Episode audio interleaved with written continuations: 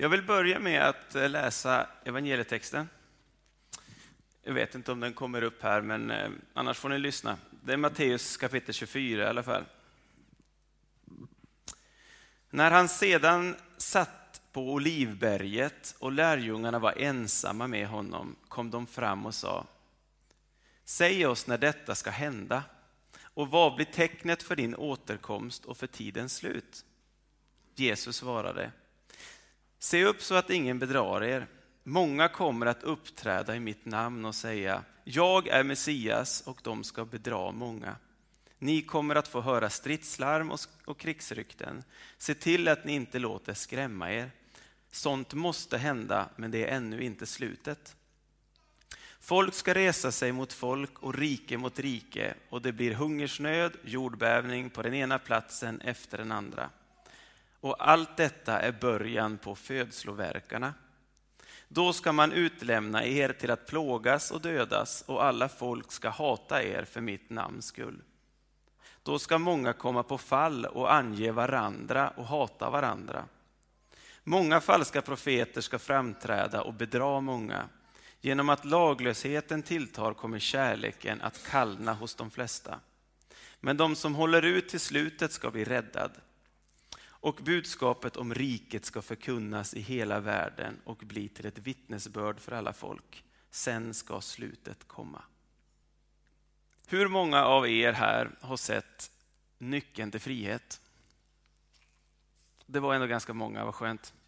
Jag tänkte jag skulle visa en liten snutt på den filmen som en liksom aptitretare till predikan. Nyckeln till frihet är en av de tio bästa filmerna, tycker jag. Eh, om man frågar många så brukar den ligga på väldigt högt upp på listorna. Eh, det handlar om en, en kille som heter Andy som blir dömd, även fast han inte har gjort något. Eh, dömd till att sitta i fängelse nästan hela sitt liv. Och man får följa med honom i filmen eh, och där, innanför murarna på ett fängelse och där träffar han många andra. Och Det som är karaktäristiskt för de han möter det är att det är det enda de känner till det är det livet innanför murarna. Och de är rädda nästan för att bli frigivna. Den största domen är nästan att få bli fri, för att när de kommer ut i samhället som gamla, då, då, då har de så svårt att komma in i samhället. Så att många av dem de mår så dåligt när de kommer utanför så de tar bort sig själv. Eh, och vid ett tillfälle, och det är där vi kommer in i, i, i filmen, då, då, sitter Andy och pratar med sin bästa vän Red, som är mörkhyad. Och då har precis han beskrivit hur jobbigt han tycker det är, att det är meningslöst att våga hoppas hur livet ska bli efter frigivningen. Och eh, ja, jag säger ingenting mer, utan vi ser två minuter på det samtalet. I don't think you ought to be doing this to yourself, Andy. This is just shitty pipe dreams. I mean, Mexico is way the hell down there, and you're in here, and that's the way it is. Tyvärr så fanns det ingen text, eh, men jag kan säga lite kort, det är att den här mörkhyade mannen Red, han har liksom ingen tro, inget hopp på livet efter murarna. Men då säger Andy så här att när du kommer ut, lova mig en sak. Att du ska söka upp, du ska åka till den här platsen, där ska du söka upp ett träd. Och nedanför trädet så finns det en speciell sten och under där så har jag grävt ner en skatt. Och den skatten är till dig. Men vad är det i den här skatten? Vad är det som ligger där? Nej, det säger jag inte. Du måste söka upp det. Och Det Andy gör så fint här det är att han sår ett frö hos den här mannen, hans, hans kompis. Att han börjar våga hoppas att det ska finnas en framtid för honom. Och Det här det han sår i honom, det, det hjälper honom att, att eh, klara av livet i fängelsen, men också att möta framtiden. Då kanske ni undrar lite grann varför jag lät er visa den här filmen.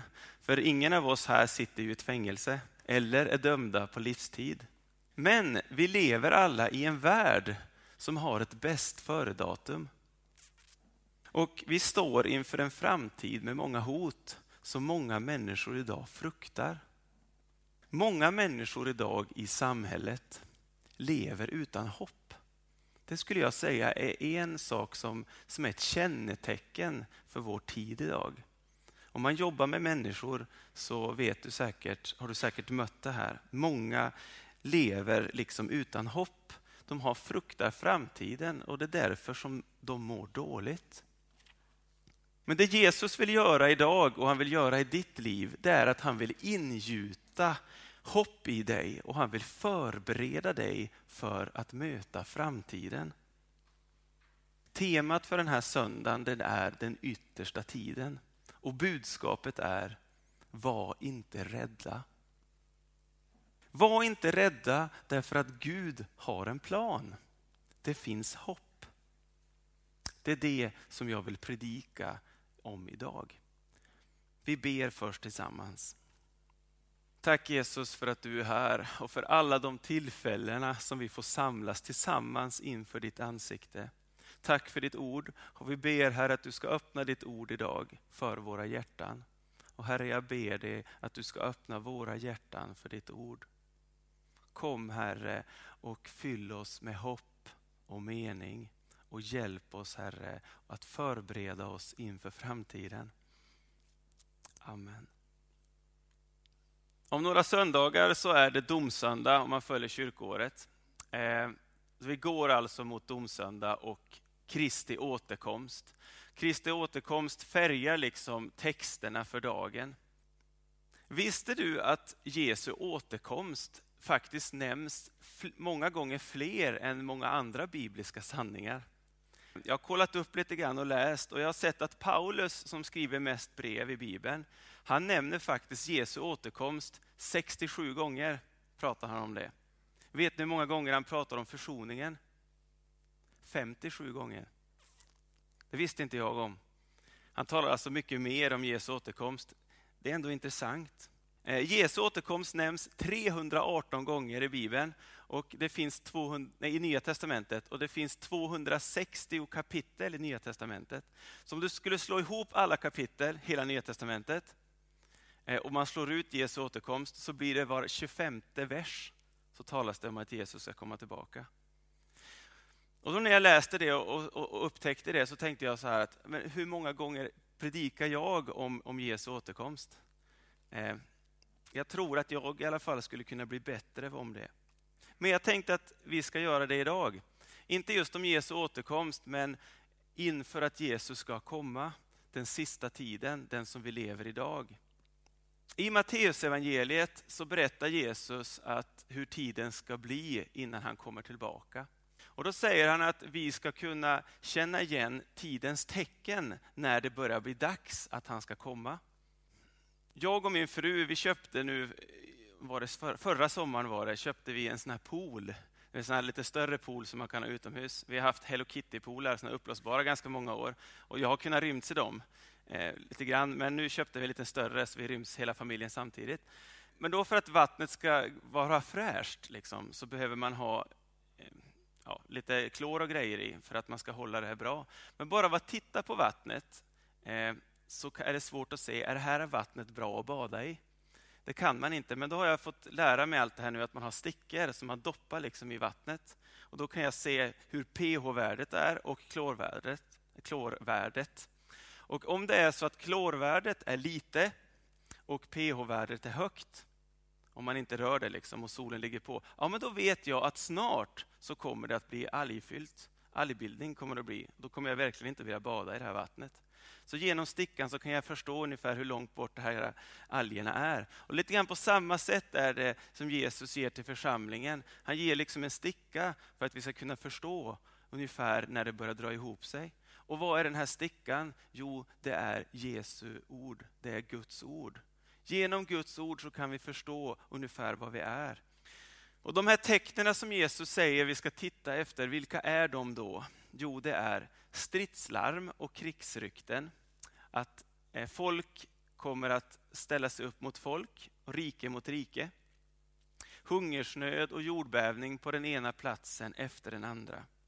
Jesus talar om kristen, kristen förföljelse, falska profeter som ska vagga in oss i en falsk eh, teologi. Jesus talar också om laglösheten, att den ska tillta. Man kanske skulle kunna uttrycka sig att terrorismen ska, ska tillta. Vilket menar Jesus kommer att innebära att samhället blir hårdare, varma hjärtan kommer att bli kalla, kärleken ska svalna. säger Jesus. Det är liksom tidstecken. Och De här tecknen är, säger Jesus är början på det han menar är födslovåndorna. Alltså Jesus tar bilden av en gravid, en gravid kvinna som är havande.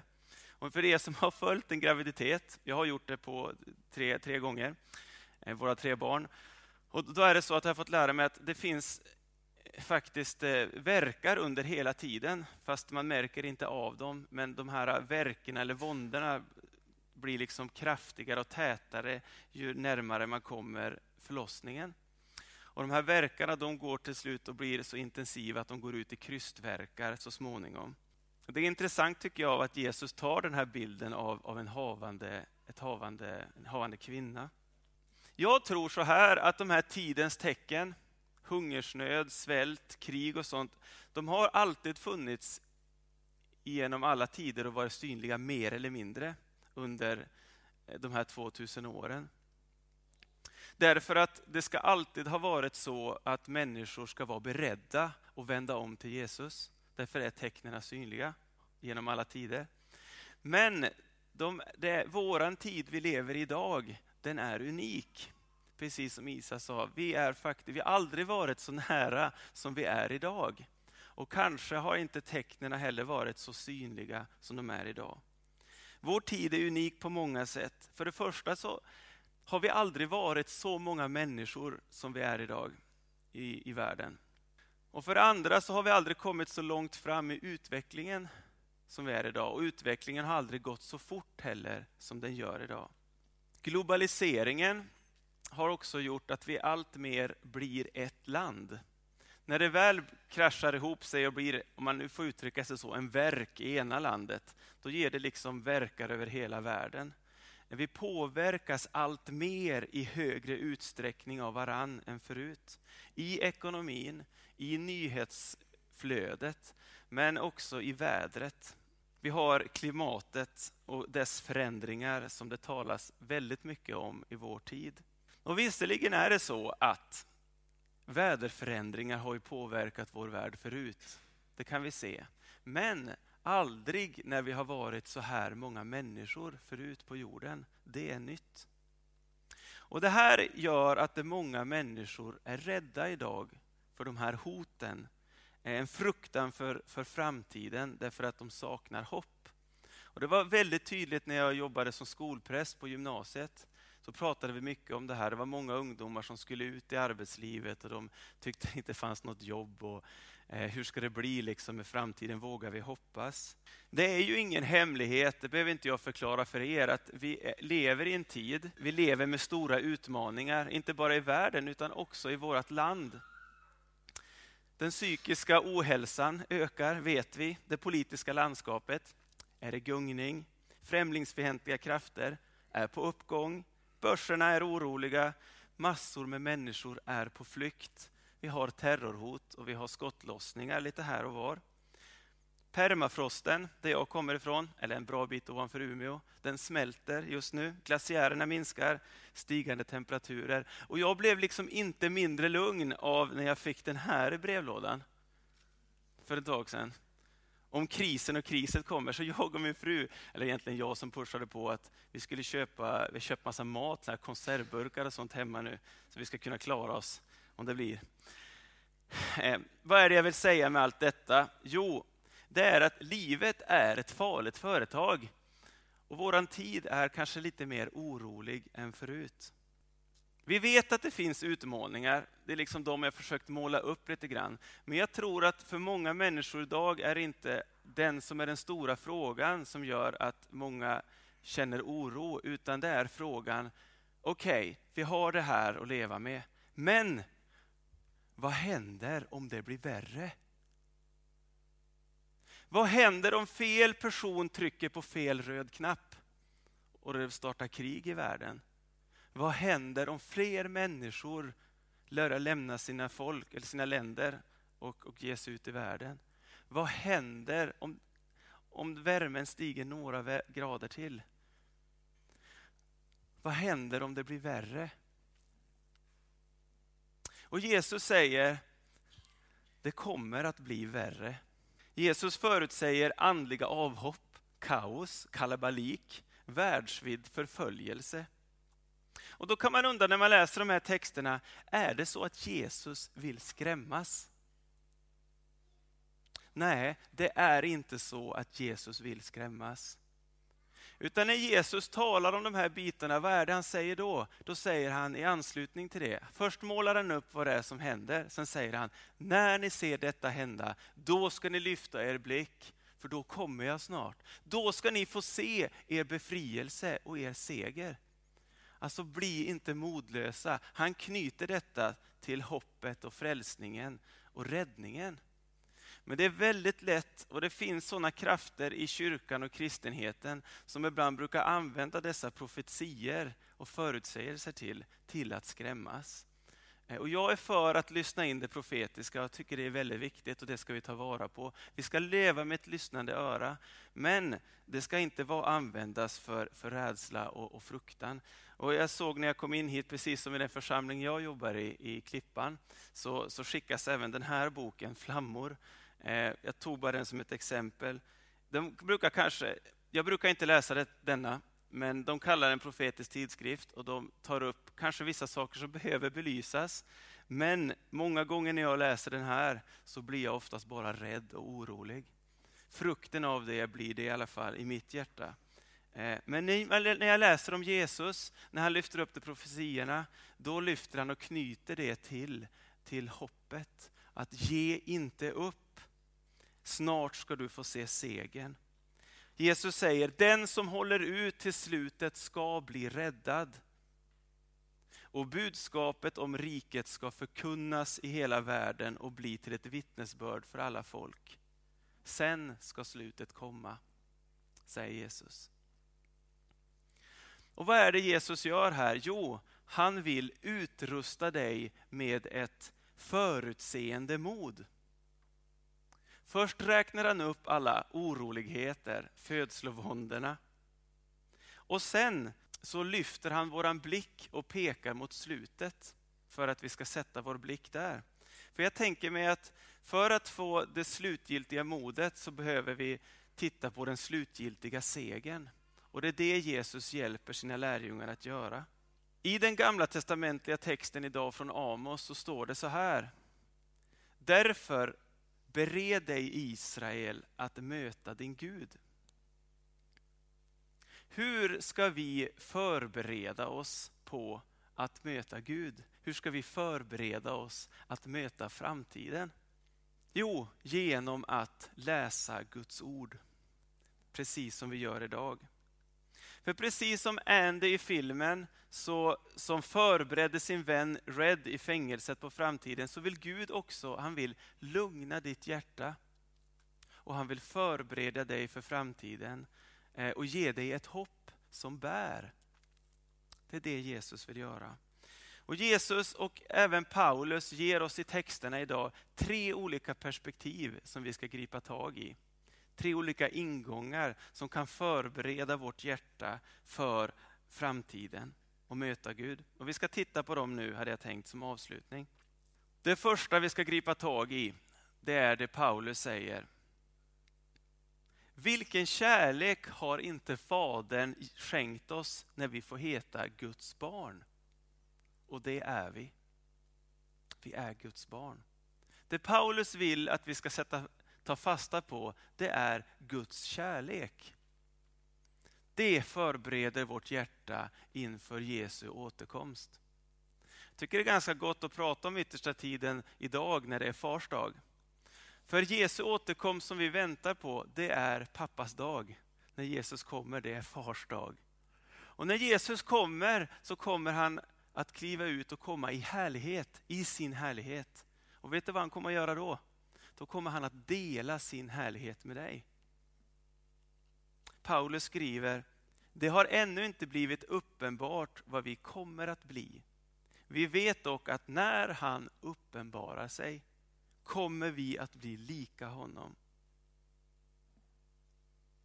Alltså Jesus har vunnit seger över död och synd, alla de här bitarna. Och när han kommer så kommer han i härlighet och seger för att dela sin seger med dig.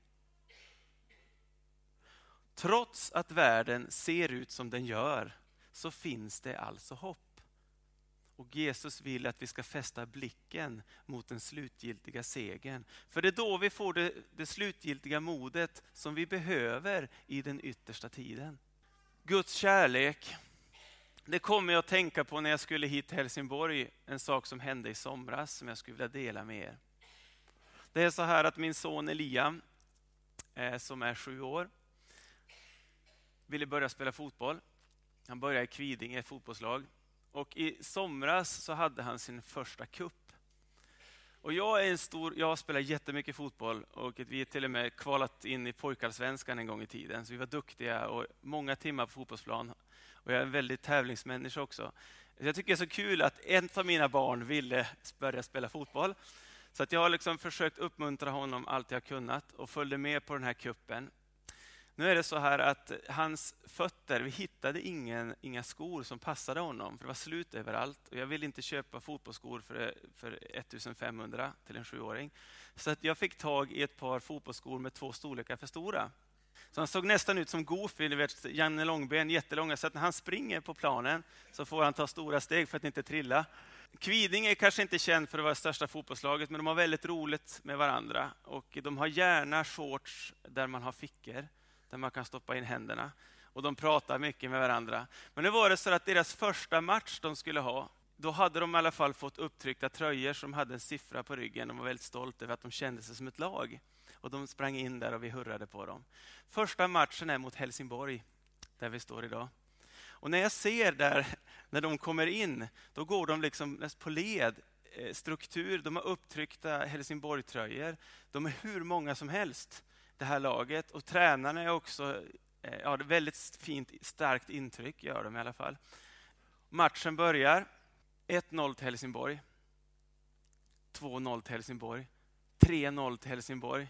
Alltså de, de hinner inte ens få in bollen, de bara springer rakt igenom. Och jag som, som pappa tycker det är jättejobbigt efter ett tag att se på när det börjar bli 10-0, 13-0, 15-0. Ja, men kan de blåsa någon gång? Jag börjar vara irriterad på tränarna eh, och tycker att det är orättvist. Jag hör mig själv att eh, ja, Miriam får nästan ta mig åt sidan. Men jag börjar också se på hur de börjar hänga. De här. Eliam, min son, han bryr sig inte. Inte så mycket i alla fall till en början. med. Men han börjar hänga ner läpp också med huvudet därför att alla kompisarna till slut börjar gå in så här. Och till och med föräldrar får börja trösta dem. Det har bara gått halvlek, det är halva matchen kvar. Men de har sån modlöshet, de har inget hopp. Och sen plötsligt skjuter de in och de får ett mål. 15-1. Men sen fortsätter det samma sak, 16-1, 17-1. Det slutar till slut 21-1, då blåser domaren av och då är det finito. Hela spelarna de är helt förstörda. Eliam kommer, jag försöker trösta honom, vi sitter ner och tänker att nu är det bara tre matcher kvar. Eh, vi ska klara detta. Och då är det ett lag till från Helsingborg de ska möta, för de hade två lag av fyra. Och då, säger, då går de förbi, de går och säljer lite lotter och sånt. Och då säger Liam så här, ah, men jag vill köpa en lott. Jag tänker att, ah, okej okay då, vi, klarar vi mer förluster tänkte jag. Men jag köpte fem lotter till honom. Så börjar vi vicka upp och så ser jag att det är över tusen lotter, vet, nummer 1000. tänkte jag, hur ska det här, det finns väl ingen risk att vinna. Så delar vi ut de här och öppnar och så Liam öppnar han och så vinner han. Han vinner. Och vet ni vad han gör? Han ställer sig upp bland alla föräldrarna, ut med händerna så säger han, han ropar ut, jag är en vinnare! Ropar han. Och så springer han så här som ett flygplan runt bland alla föräldrarna. Jag är en vinnare! Och så börjar kompisarna springa runt honom och så springer de några varv och så mot lotteriboden och där får de hämta ut priset. Och jag kan säga det som förälder så var det det bästa på hela dagen och få se honom ropa ut så. Trots den här totala katastrofförlusten eh, och hur nedstämda var, så bara få ropa det, jag är en vinnare. Det är Guds nåd och det är precis, vi har, du och jag har skäl att göra precis på samma sätt. Trots det vi får uppleva, trots vad du har det runt omkring dig, vad vår värld har oss runt omkring oss, så får vi mitt i allt detta sträcka ut händerna och ropa, jag är en vinnare. Därför Jesus har vunnit seger och han vill dela den segern med dig. Inte på grund av vad den du är, inte på grund av det du har gjort, utan på grund av vem Jesus är, vad han har gjort för dig. Vilken kärlek har inte Gud visat oss att vi får kallas Guds barn? Och Guds barn är vi. Det är det första du ska förbereda ditt hjärta på. Inte titta på dig själv och runt omkring, utan du ska titta på Jesus. Fäst en blick på honom och den kärlek han har till dig. Nummer två, hur förbereder vi oss att möta Gud? Jo, genom att lita på att Gud har kontroll. Gud har kontroll över det som sker. Jesus säger, det, måste, det finns saker som måste ske. Det är inte så kul att höra det Jesus radar upp, alla de här oroligheterna, födslovåndorna. Men det är skönt att veta att Gud ser tidens skeende och att han har full kontroll över händelseförloppet. Även de mest våldsamma händelserna som sker, de, de ingår också i Guds plan. Varje prövning, varje bekymmer har en plats i Guds tidtabell. Det finns alltså en gudomlig plan som liksom råder över allt det kaotiska. Om det inte hade funnits en gudomlig plan som råder över allt det kaotiska, då mina vänner, då har vi skäl till att vara rädda. Men nu finns det en plan. Det finns en plan för dig. Det finns en plan för våran värld. Du behöver inte vara rädd för framtiden. För vet du, Jesus han är redan där. Han väntar på dig. Det är tryggt. Visst är det tryggt? Jag tycker att det är tryggt i alla fall. Att få ha en sån tro.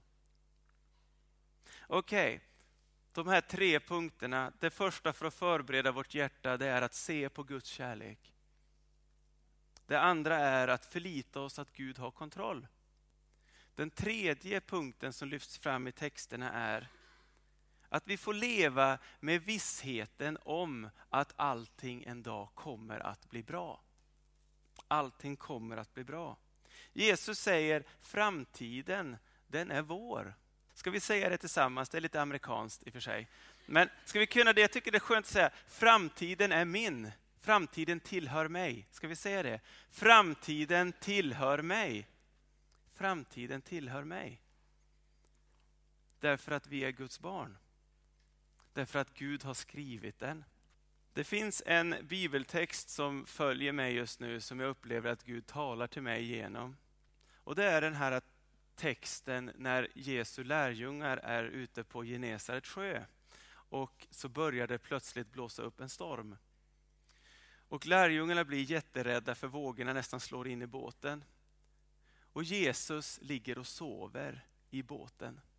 Och lärjungarna går fram och väcker honom och säger, bryr inte om att vi håller på att dö.